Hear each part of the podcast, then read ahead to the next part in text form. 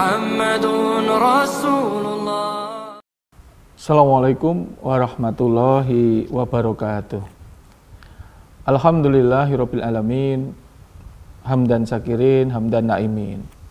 Hamdan yu'afini amahu wa yukafi mazidah. Ya rabbana lakal hamdu kama yang bagi lil jalali wajikal karimi wa azil misultanik Asyadu ala ilaha illallah wa asyhadu anna muhammad rasulullah. Allahumma sholli ala Muhammad wa ali Muhammad. Allah Ta'ala fil Qur'anil Karim. A'udhu billahi minasyaitonir rajim. Yudabirul amra minas sama ilal ardi. Summa ya'ruju ilaih Fi yaumin kana miqdaruhu Alfasanati mima ta'udun. Sadaqallahul azim.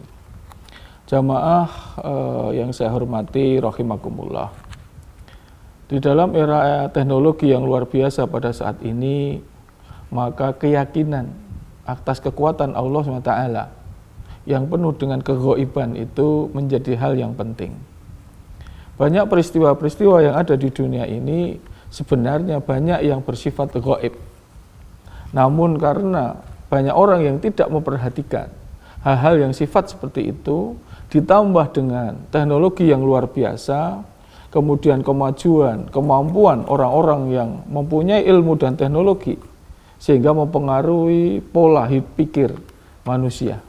Sehingga hal-hal yang sifatnya kegoiban, yang merupakan kekuatan Islam, kekuatan orang beriman adalah percaya kepada kegoiban. Peristiwa kegoiban biasanya sekarang justru dianggap tidak masuk akal. Sehingga apa? Orang melihat agama itu menjadi sesuatu yang berbeda dengan logika. Nah, pada kesempatan ini mari kita mencoba untuk mendiskusikan tentang seperti apa sebenarnya kegoiban itu. Saya terinspirasi dari surat uh, At-Taubah ayat 40 di mana logika manusia itu langsung mentah dengan kegoiban yang diturunkan oleh Allah Subhanahu wa taala. At-Taubah 40 ini asbabul nuzulnya adalah ketika Rasulullah Shallallahu alaihi wasallam dengan sahabat beliau Sayyidina Abu Bakar Ashidik melakukan hijrah dari Mekah uh, ke Madinah. Kita tahu Rasul itu berhijrah ketika dalam keadaan tertekan. Ditekan secara sosial, secara ekonomi, secara fisik. Lalu Rasul berpindah. Dan kepindahan Rasul sudah diketahui oleh orang-orang Quraisy sehingga menyuruh seorang preman namanya Surakoh bersama 300 tentaranya untuk membunuh Rasulullah. Bahkan ada yang mengisahkan Siapa yang bisa membunuh Rasulullah mendapatkan satu ekor betin, uh, onta betina merah. Kalau sekarang ya onta betina merah itu ya tunggangan uh, mobil yang mahal lah. Nah, apa yang terjadi? Rasul tidak melalui jalan utama. Ketika itu Rasul melalui pegunungan terpojok di sebuah bukit yang namanya Bukit Sur, sehingga ada gua yang namanya Gua Sur. Di dalam gua itu Rasulullah berdua bersembunyi. Tapi kita tahu gua sur itu kan tidak seperti gua yang kita bayangkan di negeri ini. Gua itu hanya tumpukan batu yang tingginya dua setengah meter di dua sisi, yang lebarnya sekitar tiga setengah sampai 4 meter persegi. Bisa dibayangkan, suatu lubang tiga setengah kali 4 meter, Rasul berdua dengan Sayyidina Abu Bakar Asyidik, Kemudian apa? Dikejar-kejar oleh 300 orang. Dalam logika, Rasul pasti ketangkep. Sehingga dalam surat At-Taubah 40 diawali dengan kalimat yang begitu indah. A'udzubillahi minasyaitonirrajim.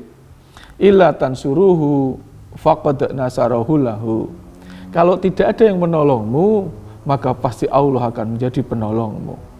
Kemudian apa? Sayyidina Abu Bakar menjadi sangat ketakutan. Lalu Rasul menjawab, La tahzan, innallaha ma'ana. Jangan kamu khawatir, karena Allah bersamamu. Nah kalimat ini menunjukkan bahwa ada janji dari Allah SWT yang akan menurunkan sesuatu yang di luar pemikiran manusia. Nah, hal yang seperti inilah menjadi terminologi dari kepercayaan pada kegoiban di samping kegoiban sendiri ada berbagai macam uh, apa itu uh, bentuk ya di macam skup yang mengartikan tentang kegoiban itu. Lalu la tahzan innallaha ma'ana. Kalimat ini menjadi begitu hebat. Karena apa? Ini janji Allah yang diteruskan di kalimat berikutnya adalah wa anzalallahu sakinatahu alaih wa ayatahu bi junudil lam kata Allah. Lalu apa? Akan diturunkan kenyamanan, sakinatu alaih, ketentraman oleh Allah SWT. Berupa apa? Bil junudi lam tarauha. Tentara yang tidak kelihatan. Apa akhirnya? Tentara itu diturunkan. Berupa sarang laba-laba, ditambah ada sarang burung merpati yang ada telurnya. Yang sebelumnya tidak pernah ada. Kemudian Surakoh dan pasukannya itu mengejar. Dia tidak bisa melihat apa-apa Nah, untuk membuat itu begitu mudah, kita lihat di surat Yasin ayat 9. Bahwa tertutup dinding di depan, di kiri dan di kanan dan di belakang. Sehingga 300 orang itu, karena ada rumah laba-laba, kemudian ada sarang dari burung merpati itu, akan menutup pandangan mereka. Sehingga Rasulullah bisa diselamatkan. Bagaimana terminologinya? Bahwa dalam logika manusia, bahwa yang namanya dua orang dalam tiga setengah kali empat meter pasti ketangkep. Tapi Allah sudah menjanjikan, la tahzan inna Allah ma'ana. Nah, bantuan Allah la tahsuruhana lahu itu sekarang itu pasti menjadi bagian yang penting di saat kita butuh. Ada masa, ada satu saat di mana we are nothing. Kita kadang-kadang nggak bisa apa-apa, apalagi dengan adanya COVID-19 ini. Kita kadang-kadang terpojok sudah nggak punya kekuatan apa-apa. Tapi percaya kekuatan goib itu pasti ada. Nah, kekuatan-kekuatan goib itu harus dilakukan secara berhati-hati. Harus diawali dengan sebuah langkah-langkah yang sifatnya adalah langkah-langkah ibadah, langkah-langkah islami.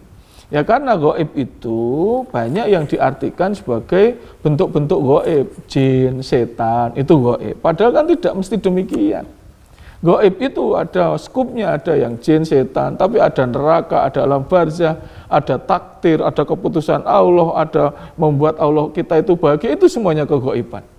Makanya orang yang bertakwa itu diawali di surat Al-Baqarah. Alif lam mim dzalikal kitabu la raiba fihi hudalil muttaqin alladzina yunfikuna bil ghaibi wa yuqimuna sholata wa mimma razaqnahum yunfikun. Kenapa saya itu eh, kita akan harus berpikir tentang eh, kekuasaan Allah yang tidak kelihatan itu lam taruha? Karena pada saat ini apa-apa sudah dilogika. Kegoiban-kegoiban sudah mulai dilogika. Akibatnya apa? Akibatnya setiap keimanan, keyakinan untuk beribadah pun sekarang ini dilakukan harus dengan logika. Ini berbahaya. Karena ketika logika itu tidak jalan, apakah berarti kita itu tidak percaya atau tidak melakukan ibadah dengan sempurna? Maka dari itu saya menginginkan ya di dalam konteks ini adalah biarkan kegoiban itu menjadi nikmat kita. Coba dibayangkan, bagaimana Allah mengatakan kalau kamu baca Al-Quran maka hatimu menjadi tentram. Bagaimana Allah itu mengatakan bahwa dengan eh, sholat kita menjadi dekat dengan Allah, hati menjadi tentram. Dengan berdoa, pakai logika yang mana? Apakah kita harus membuktikan secara fisiologis, secara anatomis, secara medis, bagaimana hati menjadi tentram, tiba-tiba menjadi tentram. Nah itulah kekuatannya. Bahkan dengan kekuatan Allah yang luar biasa itu, sampai hitungan manusia itu menjadi tidak nyambung. Sehingga hati-hati untuk selalu apa pun untuk dibuat sahada. Kita tahu kalau dari terminologinya yang namanya goib, gitu kan, goib, ya, Goib itu dari kata gobo, ya gobu, giatan, giabatan, yang artinya yang tidak kelihatan, tidak tampak. Lawan kata dari goib adalah tajal atau tajali atau tajali itu atau hadir. Sehingga sering ada goib, ada sahada. Sesuatu yang tidak bisa dilihat oleh mata, tidak bisa tertangkap oleh indera, oleh manusia dengan keterbatasannya, tapi itu pasti ada, itulah kegoiban.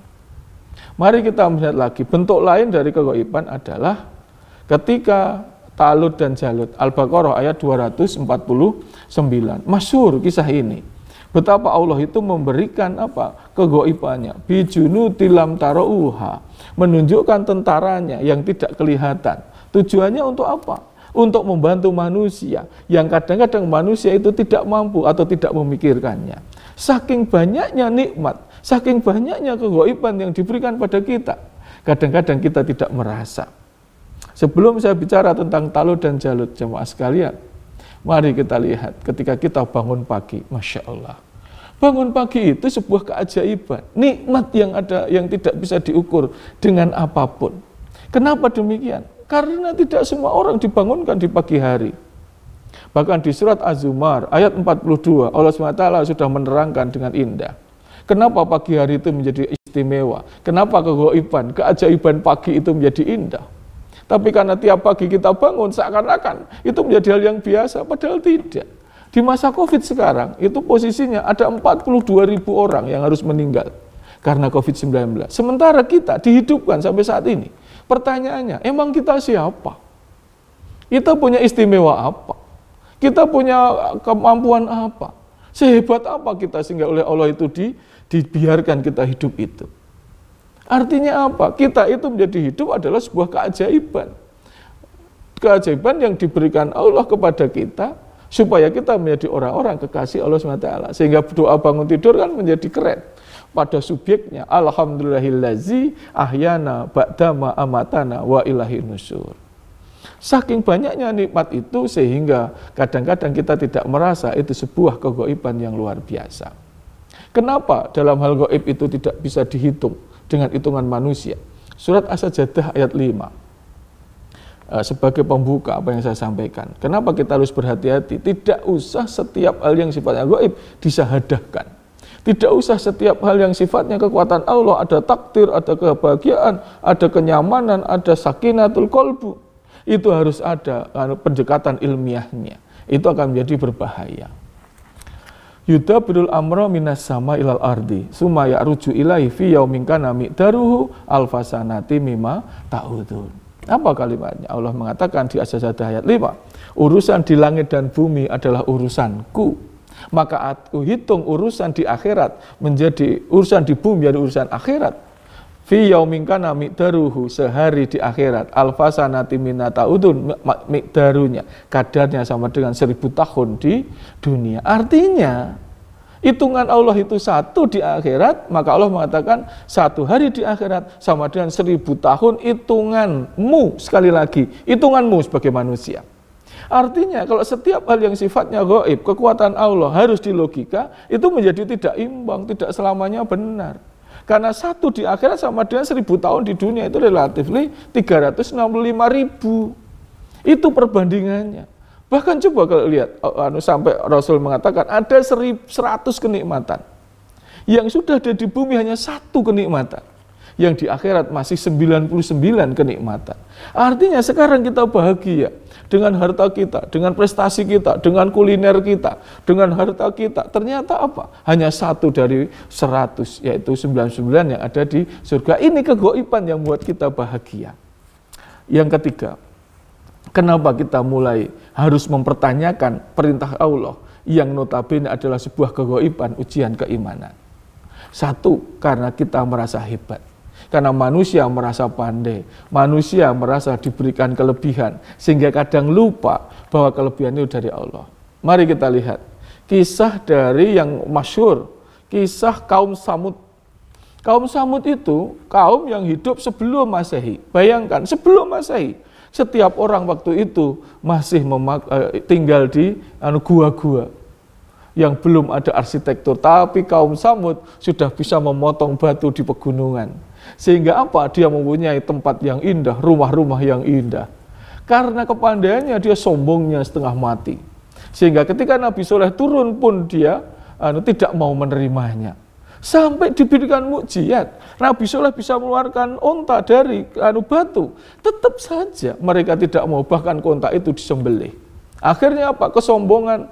Dia tidak percaya kepada kegoiban. Apa pun harus dibuat sahada. Itulah kaum Samud. Akhirnya apa? Allah murka. Satu minggu diberikan panas yang terik sehingga kulit mengelupas dan diakhiri dengan satu petir yang menggelegar sehingga semua orang mati di depan rumahnya. Nabi Nuh yang begitu fenomenal, bagaimana itu kesombongan? Semuanya pakai logika. Karena itu musim kering selama-lamanya. Ketika Nabi Nuh membuat kapal, sampai anak istrinya tidak menerima. Bukankah yang ikut kapal Nabi Nuh itu tidak lebih dari 10% dari jamaah? Kenapa? Memakai logika. Semuanya disahadahkan, tidak percaya kegaiban dan keajaiban dari Allah SWT.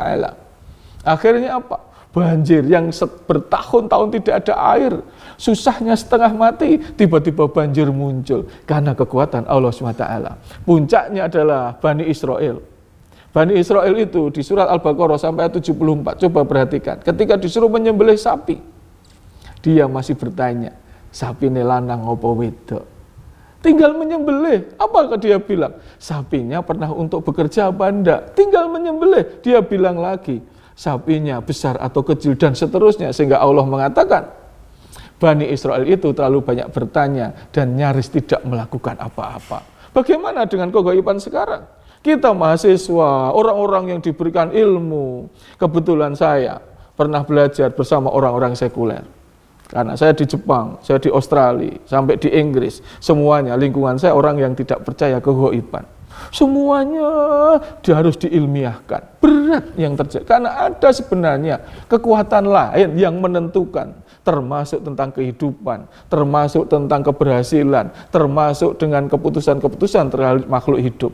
Ini susah diterangkan, maka bersyukurlah kita di Gajah Mada ini penuh dengan orang-orang yang pandai, orang-orang yang punya ilmu yang tinggi. Jangan dibalik. Kalau dibalik kita jadi sekuler. Apa-apa kalau ada perintah seperti Bani Israel harus ditanyakan dulu, kenapa ini? Kenapa ini? Kenapa ini? Karena definisi kegaiban menurut para ulama adalah sesuatu yang masuk akal. Tapi kenapa menjadi kelihatan tidak masuk akal? Bukan karena agamanya yang tidak masuk akal, tapi otak kita yang tidak sampai untuk memahami itu. Coba Anda bayangkan lagi, ketika Rasulullah Isra Mi'raj, jarak dari Mekah ke Madinah itu seribu, uh, dari Mekah ke Baitul Maqdis di Yerusalem, maaf, di Masjidil Haram sampai Masjidil Aqsa, 1500 km.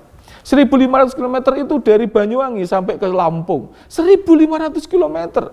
Biasanya mereka naik unta satu bulan, PP itu dua bulan. Rasul PP hanya satu malam sudah sampai Sidatul Muntaha. Di surat An-Najm 13 sampai 18. Apa yang terjadi? Abu Jahal, Abu Lahab, semuanya tidak percaya. Karena apa? Memakai logika. Tidak mungkin dua bulan kok cuma satu malam. Sementara Sayyidina Abu Bakar mengatakan, saya percaya. Bahkan kalau Muhammad mengatakan di balik bukit itu ada musuh, saya percaya. Sayyidina Abu Bakar asidik. Orang yang mempercayai sesuatu ketika orang yang tidak percaya. Apakah sekarang kita harus melogika setiap kali kenikmatan itu? Apakah kita itu dengan nasib kita, kuliah kita, semuanya harus dilogika? Berhati-hatilah dengan itu. 1200-300 tahun kemudian, Mekah sampai Baitul Maqdis hanya dalam waktu dua jam naik pesawat. Berapa lama? 1200 tahun kemudian. Artinya semuanya itu masuk akal. Cuman memang keterbatasan kita. Maka yang ketiga yang terakhir, kegoiban itu membuat kita bahagia. Kegoiban itu membuat kita punya harapan. Sehingga apa? Hidup ini penuh dengan harapan. Karena ada sesuatu yang di luar kemampuan kita. Tapi kita bisa melakukan itu. Dan kita akan mampu. Seperti Rasulullah yang diselamatkan di Gua Sur. Kemudian Talut dan Jalut bagaimana? 300 orang melawan 3000 tentara. Sementara Talut itu kecil, Jalut itu besarnya seperti raksasa. Tapi akhirnya golabat rotan sehingga Talut bisa mengalahkan yang besar karena apa? Kegoiban dari Allah SWT. Syaratnya ada tiga. Para mahasiswa sekalian, Bapak Ibu sekalian, siapa pun yang hadir, syaratnya tiga. Ketika kita tidak punya apa-apa, akan menjadi menang. Ketika kita kecil, akan menjadi besar. Ketika kita kelihatannya kalah, tapi menang. Syaratnya tiga. Kalau lihat Al-Baqarah 249. Satu, mulakullah. Dua, biidnillah. Yang ketiga, wallahu ma'asobirin. Mari, karena Allah kita bekerja. Yang mahasiswa, kita anak Allah karena anu kuliah kita. Bagi yang sedang beranu dagang, petani, tentara, siapa pun itu, mulakullah. Itulah terminologi dari puasa kita. Menghadirkan Allah di setiap kesempatan, omnipresent. Yang kedua, biidnillah. Buat Allah itu bahagia. Jangan membuat kerusakan di muka bumi Inna Allah la yuhibbul mufsidin kata Allah. Surat As-Sajdah ayat 6. Ayat li, uh, 5. Artinya apa? Allah tidak suka buat kerusakan. tapi yang membuat Allah bahagia dengan kita. Buat kebaikan di dunia, maka Allah akan bersama kita. Mulakulo. Yang terakhir, wallahu ma'as Sabar saja. Ya itu tadi, ada kegoiban, ada ruang dan waktu yang kita tidak tahu keputusan Allah itu. Tapi yakin itulah yang terbaik. Buktinya apa? Rasul saja ketika berdoa supaya Romawi hilang dari zaman. Zaman ketika perang Handak, Rasul berdoa pada Allah SWT, kapan diijabah? Diijabah ketika Sayyidina Umar bin Khattab. Artinya ketika Rasul berdoa, Nabi saja berdoa, dibutuhkan waktu oleh Allah SWT. Apalagi cuma kita, Nabi bukan, Rasul apalagi, ulama dipertanyakan, kita ibadah masih males-malesan. Wallahu ma'asobirin. Demikian uh, jamaah sekalian, di bulan Ramadan ini kegoiban-kegoiban itu muncul. Kegoiban itu sengaja oleh Allah diperlihatkan dalam bentuk-bentuk apa ibadah, dalam bentuk pahala. Dan akhirnya kekuatan kita menjadi tentram, kita menjadi bahagia karena kita masih punya kegoiban itu. Yang pasti ada, atau lak 2 sampai 3. Kalau ada masalah, makhraja. Dari mana? Lah tasib. Kemudian Bagaimana nanti apakah bantuan itu benar? Wahwa hasbuh. Bijunutilam tarauha. Allah akan turun dengan tentara yang tidak kelihatan. Tidak usah ngurusi Gusti Allah. Kita itu kan sering kementus. Oh, Gusti Allah diatur, le membantu piye, le menurunkan tentara piye. Itu urusannya Gusti Allah. Yang penting adalah kita akan selalu yakin bahwa pertolongan Allah itu ada di mana-mana. La tahzan, innallaha ma'ana. Demikian semoga kita semua senantiasa diberikan kegoiban, keajaiban, nikmat Allah yang luar biasa itu. Supaya kita dapat menyelesaikan Ramadan ini dengan baik, pandemi ini juga ini sahadah, hanya ketentuan Allah juga nanti akan hilang dari negeri ini. Sehingga kita akan menjadi uh, orang-orang yang mendapatkan kebahagiaan fitunya wal akhirah. Innal mutakina fi jannatin fa'uyun. Tempatnya orang mutakin itu ada di surga yang di situ ada mata air yang mengalir. Aku lu kolihada wastafirul. Banyak salah mohon maaf. Bila taufik walidayah. Wassalamualaikum warahmatullahi wabarakatuh. La ilaha illallah Muhammadun Rasulullah